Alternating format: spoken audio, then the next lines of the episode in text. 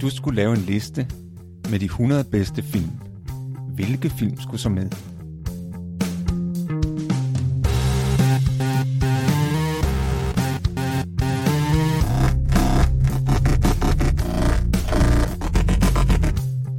Hej, jeg hedder Morten. Og jeg hedder Thomas. Lyt med, når vi taler om vores liste med de 100 bedste film.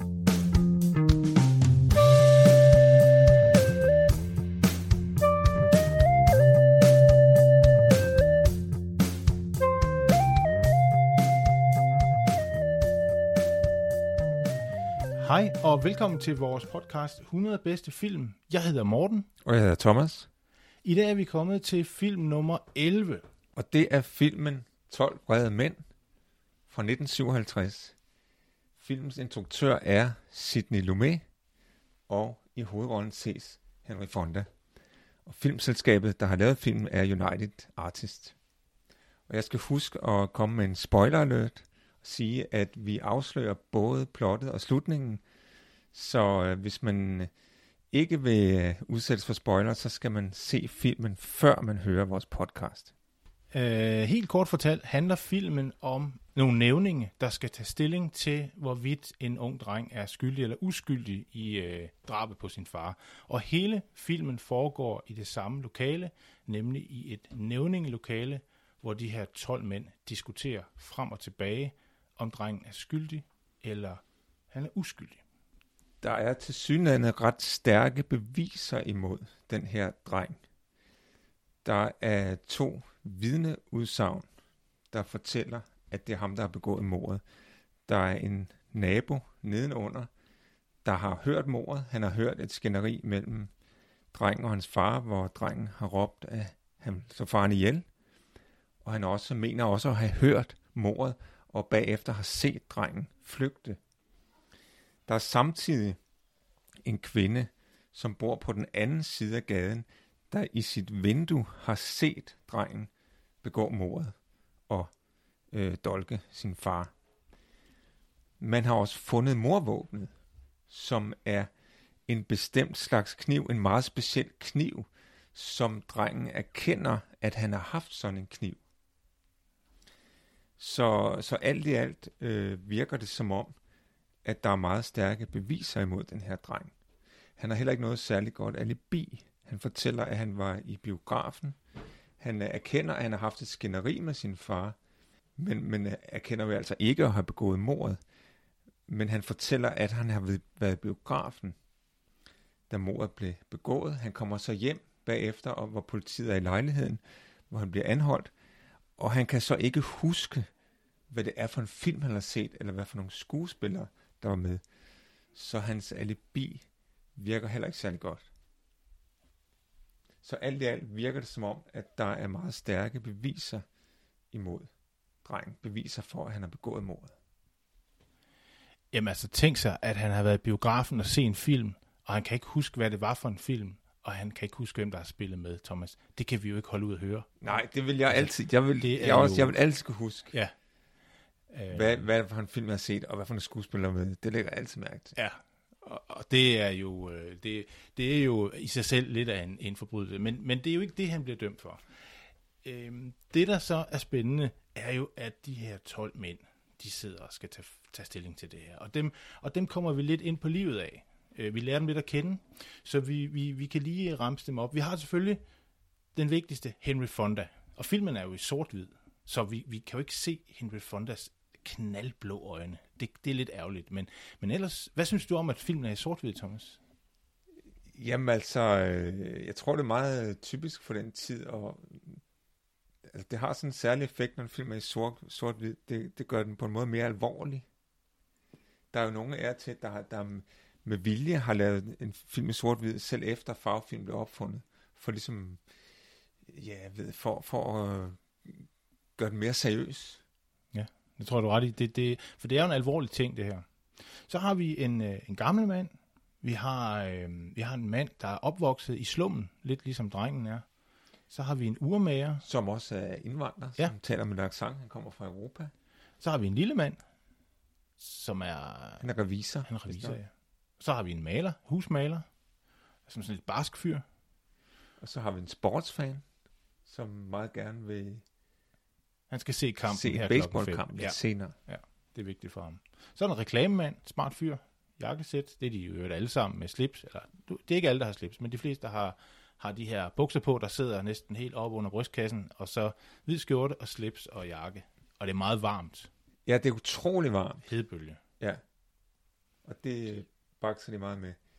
Så har vi en, øh, en mand, der er meget sådan fordomsfuld, også meget vred, øh, ældre mand. Og så har vi en mand med nogle briller, som er øh, aktie, aktiehandler, som er så meget analytisk anlagt. Og så har vi en, øh, en ældre mand også, som, som øh, vi, vi, får sådan, for, vi får i brudstykker at vide, øh, de her folk. Og ham her, den, den sidste vi nævner, han har en, en, en søn på nogenlunde samme alder som, som den mistænkte.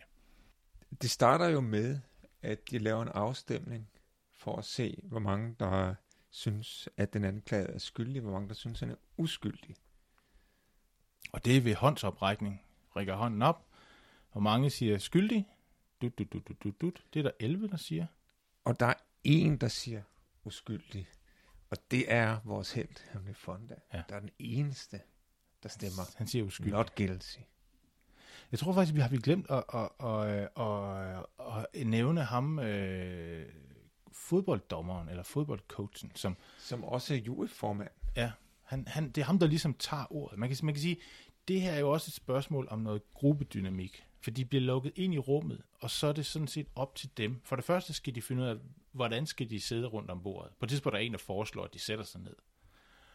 Øh, og så, så sætter de sig ned, og så, så bliver der foreslået, jamen lad os sætte os i de numre, de har åbenbart nogle numre, så sidder de i den rækkefølge, og så er det så ham her, fodbolddommeren, der, der tager ordet og siger, hvad gør vi, vi kan gøre på forskellige måder. Og så beslutter de sig for at lave en afstemning ret hurtigt.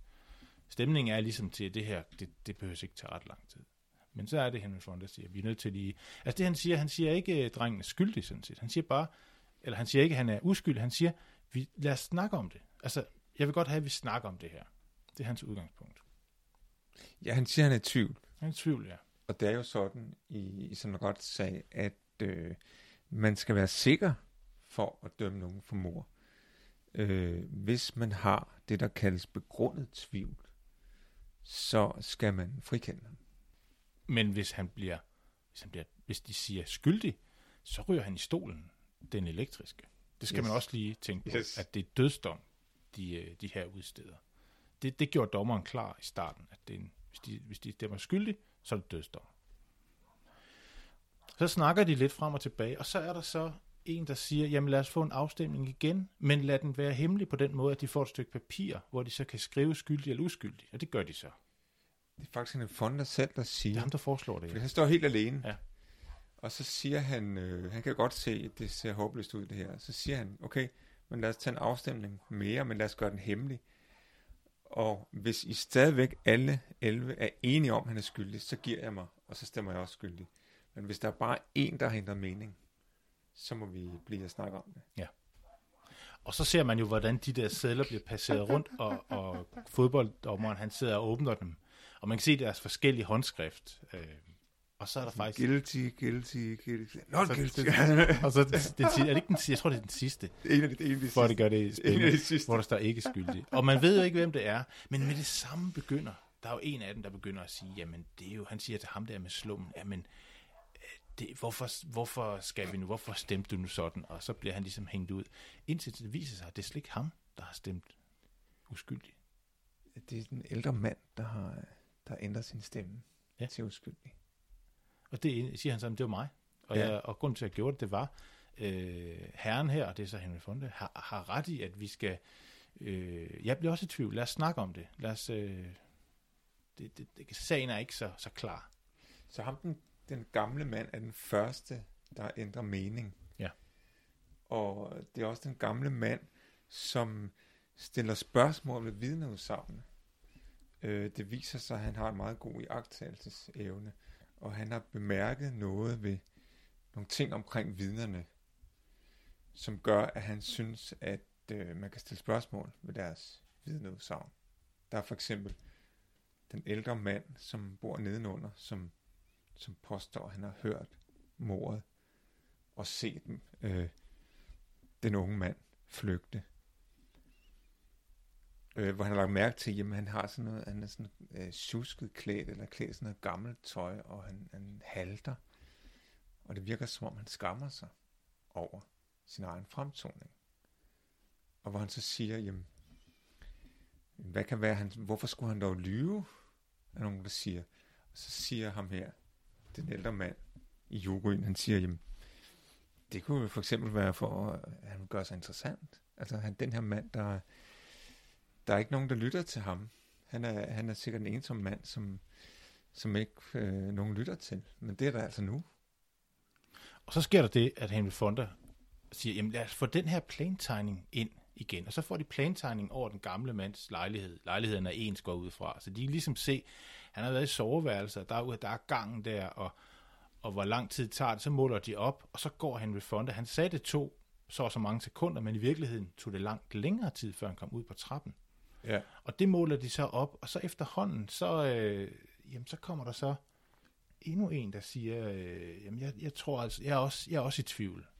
Ja, og det er ham, der selv, altså mordet er jo begået i sådan en slumkvarter, eller en ghetto. Øh, og en af jurymedlemmerne, han kommer selv fra sådan et område, selv opvokset op i sådan et område. Og han, øh, en vigtig pointe, han har på et tidspunkt, det er i forhold til beskrivelsen af, hvordan mordet blev begået.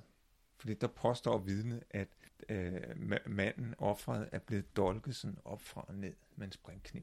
Spring. Og, og den kniv får de jo også ind i uh, lokalet. Yes. Øhm, og, og den får de sådan bragt ind, og så er der så en, der, øh, der, der sådan slår den ned i bordet og siger, prøv at se på den her kniv. Det er en meget, meget speciel kniv. Den, den har sådan en drage på, tror jeg, eller sådan nogle ja. mønstre, og, og, og det er jo helt unikt. Og drengen har jo indrømmet, at, han, at det er hans kniv. Ja, han havde sådan en. Han, han har indrømmet, at han havde sådan, sådan en kniv. kniv. Ja, nemlig. Han havde sådan og, og den er så speciel, den, der, der findes ikke nogen mand til. Og så er det Henrik Fonda. Han trækker en kniv man til op af lommen og stikker ned i bordet ved siden af. Det er en meget dramatisk scene. Fordi man tænker, okay, for det første sådan, hey, hvor har han den kniv fra? Men det viser sig, at han har så været, han har simpelthen, han har simpelthen gået en tur på et tidspunkt, tænkt, hmm, den her kniv, jeg går ned, og så går ned i sådan en pantelåner, tror jeg det er. Og så har han så købt en kniv. I det kvarter, i området, hvor de boede? Ja. ja. Og så købt den her kniv, og sådan den kan man købe dernede. Meget almindelig ja. kniv i det område. Ja. Og så er det jo, at ham her, der selv kommer fra summen, slummen, han spørger de andre, har I nogen set, set sådan en knivkamp? Det har jeg nemlig. Og det der fidusen med en springkniv, det er, at du kan trække den, slå den ud og stikke i en bevægelse. Og derfor er det ikke uh, troværdigt, at, at morderen skulle have stukket sådan op fra og ned. Det er ikke, det er ikke sådan, man bruger en springkniv. Nej. Og, og drengen var jo ret lille, og faren var jo større, så, ja. så stikket er kommet, det kan de se på livet, det er kommet oppefra. Og, ja. og det han siger, at hvis man har en springkniv, og man stikker sådan dolker, så skifter man stilling med kniven, og det er langsomt, det gør man ikke. Mm. Så man stikker nedefra. Og derfor er der noget, der tyder på, at måske er det slet ikke den her dreng. Altså, det er ikke den stil. Så vi kommer ind i miljøet her. Ja. Slumkvarter, springknive, knivkamp. Øh, det er meget spændende, faktisk. Og, og så går man... Og det går op for en, at jamen, hey, de har fat i noget. Måske er det slet ikke drengen. Altså, der er noget ved de her beviser, som ikke hænger sammen. Og så er der jo flere, der falder fra. Der er også en lille fyr, som også siger, jeg er også i tvivl. Og der er ham, den lidt barske maleren, der også siger, jamen jeg, jeg er faktisk også overbevist om, at, at det er ikke sikkert, det er drengen. Så er der nogle af dem, der er svære at overbevise, ja. som, som meget ihærdigt fastholder, at han er skyldig, og han skal i stolen. Altså, der er jo dem, der siger, jamen, sådan en dreng der, Altså, selvfølgelig er det ham. Han er, han er tidligere straffet. Han har været børnehjem, eller opdragelsesanstalt, eller hvad det er. Så det ligger simpelthen i ham, at han gør det. Og det bliver sådan meget diskuteret, jamen, hvad er det for nogle fordomme egentlig om de her folk, der bor i slummen? Ikke? Hvad, og ham, der selv bor i slummen, siger, jamen, det gider han ikke høre på, fordi... Og så siger han også med de der vidneudsagn, jamen, hvorfor tror du på damen? Hun boede også i slummen. De boede alle sammen i slummen. Hvorfor er det lige pludselig drengen, der skal hænges ud? Så, så man kan sige, at øh, dem, der øh, sådan stedigt fastholder, at han skal dømmes, han er skyldig, de har faktisk ikke nogen savlige motiver, viser det sig. De har en række forskellige motiver, som egentlig ikke har med sagen at gøre. Tydeligst er det jo ham, sportsfanen. Fordi da det, da det står 6-6 for og imod, så, så siger han, ah, men så er jeg også i tvivl. Ja. Og hans motiv er jo bare at, at kunne nå at se den her sportskamp. Han er fuldstændig ligeglad. Han vil bare, han gider ikke bruge tid på det her. Han var det overstået, Han er overstået her. Det er lige meget. så han kan se sin baseballkamp. Præcis. Som jo er vigtigere. Så er der ham der med fordommene, som du, som du nævnte før, øh, som baserer sin, sin dom på, på øh, det miljø, som den anklagede kommer fra. Jamen, han må være en skidt person, når han kommer fra det miljø. Det er sgu da nok ham. Det må det være. Så er der en, der har nogle meget, man kan sige, meget personlige følelser som motiv. Det er ham der. Det er ham med sønnen. Han fortæller, han har, jeg, har en, jeg har en søn på samme alder, og øh, han, øh, han har ikke særlig godt forhold til sin søn. Han ser ham ikke rigtig mere. Øh, og han har, da han var yngre, har han ligesom forsøgt, jeg forsøgte at, at opdrage ham rigtigt, som, så han skulle blive en rigtig mand og sådan noget, men det, det lykkedes ikke rigtigt, eller ja. Han har Det endte i hvert fald med, at ja. de blev uvenner, ja, og han ikke ser ham mere. ja, det, det, det nærer ham lidt. Og han har meget negative følelser i forhold til den her søn, Ja. ja. som han ikke længere ser. Og øh, det viser sig jo, at han laver en form for projektion i forhold til den anklagede, som er en ung mand på samme alder. Og det er derfor, han vil dømme ham. For det er på grund af de, den vrede, han har imod sin egen søn. Men ham her, ham her øh, handleren, der er sådan meget analytisk, han siger, ja, det er fint nok. I har kommet med nogle gode argumenter for, hvorfor nogle vidneudsagn måske ikke passer. Men jeg er stadigvæk overbevist. For eksempel er der det med motivet. Jeg tror ikke på, at drengen har været biografen. Og så er det Henry Fonde, han siger, jamen, øh, siger, hvor var du i går? Hvor var du i forgårs? Og så ramte han op. Og så var han så i biografen et par dage før med sin kone. Og jeg kan ikke rigtig huske filmens navn rigtigt. Han får det lidt forkert. Og det rykker ham måske lidt. Men det, der ligesom ændrer hans syn på de her vidner, eller de her beviser, det er den ældre mand, hans jagttagelse omkring det kvindelige vidne. Ja, fordi at øh, han har også lagt mærke til, hvordan den, det kvindelige vidne ser ud. Og, og det gælder også for hende, at øh, hun tydeligvis går meget op i sit udseende. Hun har taget pænt tøj på og, og make-up, øh, og vil gerne se pæn ud i retten. Men han har også lagt mærke til, at hun har sådan nogle mærker på næseryggen, som kommer, når man bruger briller. Men at hun ikke har brillerne på i retssalen. Og, Og det er lidt Og så er spørgsmålet... mærkværdigt. Ja. Hvis hun er en, der normalt bruger briller, hvorfor har hun så ikke brillerne på i retssalen? Og det er jo sandsynligvis fordi, at anklageren har ikke ønsket, at det skulle ligesom så tvivl om hendes vidneudsagn, det at hun måske havde dårligt syn. Han siger, øh, at det der med at, og, øh, at gå med briller, det kan måske, måske synes hun ikke, hun ser smuk ud, når hun har briller på. Så ja. Hun har valgt ikke at have dem på. Ja. Og, og så bliver der så spurgt, jamen de der mærker ved næsen, kunne de opstå på andre måder end ved briller? Og der er der ham aktie, den analytiker, han, han, han har selv briller, og han tager nemlig brillerne af på et tidspunkt og gnider sådan sin, sin, øh, de der mærker. Og det er det, den gamle mand lægger mærke til. Han siger, jamen det havde hun også. Og, og, og ham, analytikeren, siger så, nej, de kan ikke opstå på andre måder. Yes. Så hun må, hun må have haft briller på, og så spørger Henry Fonda, jamen når du går i seng, sover du så med brillerne på? Det gør han selvfølgelig ikke. Det, han siger, det er der ikke nogen, der gør. Så derfor, i det øjeblik, hun har jagtet den her scene, så har hun ikke haft sine briller på. Og det er der for ham til at skifte mening som en af Ja. de aller sidste. Ja. Fordi han har, han har nogle savlige argumenter for at stemme skyldig, men lader sig til gengæld også overbevise af savlige argumenter og ændrer derfor mening. Og da han ændrer mening, så står ham med sønnen altså alene, og, og så er det ligesom om det falder. Det er ligesom om det har været sådan en, en indre kamp for ham at få den her dreng dømt, og indser nu, at han er lidt ude på dybt vand. Ja, og, og øh, så han, tager, han tager det her billede af sig selv og sønnen i sin tegnebog, og det tager han frem og meget vredt og river stykker. Ja. Og afslører, jamen, det, det er derfor, jeg stemmer skyldig. Det er virkelig på grund af, af mit eget forhold til min søn. Hvorefter han så bryder sammen, og så siger han, not guilty, not guilty.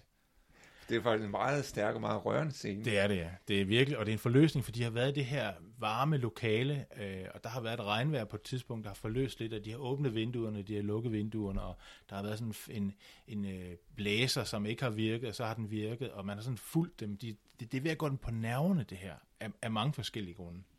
Men, men hvis man skal sige noget om motiverne, Thomas, så der er, vi har været igennem forskellige typer af motiv for at finde den her dreng skyldig. Ja, altså, øh, ja, et af motiverne, det er jo ren ligegyldighed. At det her med, jamen, vi er egentlig ikke særlig interesserede i den her sag, vi vil bare have det overstået, og det ser jo ud til, at han er skyldig. Øh, og man kan også sige, der er en hel masse di- distraktioner. Der er en hel masse, der distra- distraherer de her yogamedlemmer, så, så, så de tænker på alt muligt andet end, end selve sagen. Altså for eksempel det der med det varme. Uha, nej, hvor det varmt. Og kan vi ikke få den her ventilator til at virke? Og, nej, det er da for dårligt, at den ikke virker. Og jeg skal forresten nå en baseballkamp. Kan vi ikke snart blive færdige? Så og den der ligegyldighed ser man i øvrigt også hos dommeren. Øhm, men også i forhold til øh, forsvaren. Hvor Henry Fonda siger, jamen, forsvaren virkede ikke som om, at han synes det var her var særlig vigtigt. At, at det virkede ikke som om, at det var en sag, der interesserede ham særlig meget. Så der er ligegyldighed. Det er et motiv Og så, er der, skyldig. og så er der det her med de personlige følelser, som, som vi har snakket om med manden og, og, og hans søn. Øh, hvor det i virkeligheden er en projektion, han projicerer de følelser, han har for sin egen søn over på den anden klade. Og så det med fordommene, Ja. som Som handler ham- om, at folk i det kvarter, de er nogle mordere, og det kan de sagtens finde på at slå deres forældre ihjel uden. Ja. Og så er der det med, med de saglige argumenter. Det er, sådan, de, det er sådan de fire hovedtyper af motiver, man kan sige, der kommer på banen og ligesom bliver pillet fra hinanden og bliver, bliver analyseret. Nu tror jeg, vi skal have noget vand at drikke, Thomas. Ja, og, for og, det er utrolig varmt det er her, meget ligesom, varmt. ligesom det er Det er hedebølge. øh, retssalen. og de drikker vand. De, de, øh, jeg vil ikke lade mærke til dem. Der er sådan en, en, en, øh, en, en vand... Øh, kon, øh, Vandbeholder, Ja. som man trækker vand fra. Ja, i og så kan man tage sådan nogle øh, Ja. små, øh, sådan nogle øh, trekantede små krus, så kan man lige tage noget vand. Så, så jeg har taget lidt vand med til dig, Thomas, så, Godt. så vi, øh, vi lige kan få slukket tørsten her. Vi skal jo også øh, snakke om, om der er forveksling i den her film. Er der en forveksling? Man kan sige, hvis man starter med at sige, så kan man sige, at omkring vidneudsagnene, der, der, er jo, der er der jo tale om forveksling, fordi begge vidner, og der er vi også sådan lidt ude i, altså, damen har jo forvekslet drengen med morderen. Hun tror, hun har set drengen. Det er ikke sikkert, hun har det. det vi får faktisk ikke at vide, om han er skyldig. Vi får Nej, bare at vi vide, at de kender ham i hvert fald. Ikke skyldig. Og så er der den gamle mand, der måske med vilje, eller måske har misforstået noget. Så der er noget forveksling der, men der er også et andet pudsigt forveksling. Der sker jo en forveksling med kniven. Ja, For det, det det viste sig jo, at, at den kniv, som var morvåbnet, den var ikke så speciel, som de egentlig troede. Fordi Henrik Fonda har, jo- har jo selv købt en kniv med til. Nå, så sker der jo det, at den kniv, som morvåbnet, bliver jo taget ud af lokalet igen. Tilbage sidder den kniv, Henrik Fonda havde med. Så på et tidspunkt, ham der, den vrede mand, ham med sønnen, han tager den kniv og siger, ja, men de kan jo nok forstå, at, det, at se, hvor speciel den er, og det må jo være med den, han har gjort det. Ikke? Og så siger umageren, som jo er meget fokuseret på detaljer, han siger, øh, teknisk set er det jo ikke den kniv, du har i hånden. Det er jo faktisk ikke morvåbnet, det der. Det er den anden kniv, du nu har i hånden, ikke? Jo. Så, så han forveksler i hvert fald de to knive, Ja, kan man sige, i situationen. Så, så der er lidt en forvekslingsscene. ja det kan man godt sige. Det kan man godt sige. Ja. Og kniven spiller jo en meget vigtig rolle, også i forhold til nogle meget dramatiske scener, der er i den her film. Der er også en, en, øh, tredje knivscene jo, hvor, hvor ham der, den vrede mand, ham med sønnen, ikke? Øh, han tager jo kniven på et tidspunkt. Men først har han jo, han, har han jo haft en, en, et meget altså, dramatisk opgør med Henry Fonda. Ja, ja, for, Fordi Henry Fonda siger, jamen du virker da, som om du rigtig godt kunne tænke dig at være bødlen. Ja. Kunne du tænke dig selv at trykke på knappen? Ja, det vil han da gerne. Og så, og så siger Henry Fonda, det, jamen, jeg har ondt af dig, tænk at have det sådan. Du, du er jo sadist. Og så går han amok. Og så siger han, I kill him, I kill him. Og de må sådan holde fast i Fonda ham. siger han om Henry Fonda, ikke? Og de må sige, og, så, og så siger han i Fonda jo, fordi det har de diskuteret i forbindelse med sagen, at det har drengen sagt til sin far. Ja. Jeg slår dig ihjel, han Og så har de diskuteret, om han nu har ment det alvorligt. Ja. Eller ej. Og så er det jo, han i Fonda siger til manden der, I'm sure you don't really mean you're gonna kill me. Det er meget fint, fordi så bliver det også ligesom pillet ned. ja. Men så kommer den her Så kommer den her jo med, fordi så, så kommer de til at diskutere det her med vinklen på knivstikket. Og så siger ham der, den vrede mand, ja, men selvfølgelig, selvfølgelig er mor begået på den måde, som vidnerne fortalte, at der blev stukket ovenfor og ned, og nu skal jeg nok vise, hvordan. Lad mig få kniven, så skal jeg lige demonstrere, hvordan. Og det skal jo så være på Henry Fonda. så Ja. han står der, altså, og vifter med kniven foran Henry Fonda, og man er faktisk i tvivl, om han virkelig vil stikke ham. Ja. Fordi han har lige for, for lidt siden sagt, at han vil slå ham ihjel. Og nu har han en kniv i hånden, Ja. og, og, øh, og det er sådan, de andre vidne, eller nævnings far også op, og sådan, men, men øh, der sker så ikke noget. Der sker men, ikke det, noget. men det er meget dramatisk scene. Ja. Det er det. Hvad, Thomas, hvad handler den her film om? Ja. Øh, jeg synes, at øh, filmen har nogle vigtige budskaber. Man kan se nogle samfundskritiske elementer i den her film. Og det mest interessante, synes jeg, er i forhold til manderollen. Fordi jeg tror ikke, det er nogen tilfældighed, at den hedder 12 vrede mænd. Nu er de 12 jurymedlemmer jo mænd. Men hvorfor hedder den 12 vrede mænd? Jamen det tror jeg har at gøre med, at det er en del af problematikken har at gøre med manderollen. Og vi ser det især med den der vrede mand og forholdet til hans søn. Hvor han starter med at fortælle om sin søn, som han har lært at være en rigtig mand, og ved at for eksempel at fortælle om, at han måtte aldrig stikke af fra en slåskamp. Og, men nu er han jo så blevet uvenner med ham, og ser ham ikke mere. Ikke? Så, så der kan man jo ikke lade være med at tænke, okay, men, men din måde at lære ham på, hvordan han skulle være en rigtig mand, det hæng, der er måske en sammenhæng med, med det, du har gjort. Din måde at opdrage ham på som en øh, rigtig mand i vores øjne. Og så det, at I er blevet uvenner og ikke ses mere. Øh, og han har jo også nogle hentydninger, ham der, øh, sønnen, til de andre øh, nævninge, som vil frikende øh, den unge mand, og, og siger, jamen, hvad de er alt for blødsødende, og han kalder dem for old ladies, sådan meget foragteligt. Ikke? Så det er ligesom om, de er ikke rigtige mænd, de der, alle de der øh, blødsønde du gutters, som man også kalder dem, det er fordi, de ikke er rigtige mænd. Og jeg kommer jo til at, til at tænke på, man kan drage en parallel til High Noon, synes jeg, som er jo fra den samme periode, hvor jeg også synes, at manderollen bliver problematiseret, fordi det er jo, i den film er det jo alle mændene, der svigter. Det er alle mændene, der er feje, og det er øh, kvinder og børn, der er helten i den film, altså lige bortset fra Gary Cooper. Så det synes jeg er et stort tema i filmen. Hvad synes, øh, hvilke budskaber ser du i filmen? Jeg synes, at det er interessant, det med, med de 12 mænd. Det er jo hvide mænd, ja. Skal man også lige huske at sige. Der er jo ikke nogen sorte med, eller asiater, eller... Det er hvide mænd. Og øh, der er jo ikke nogen kvinder med.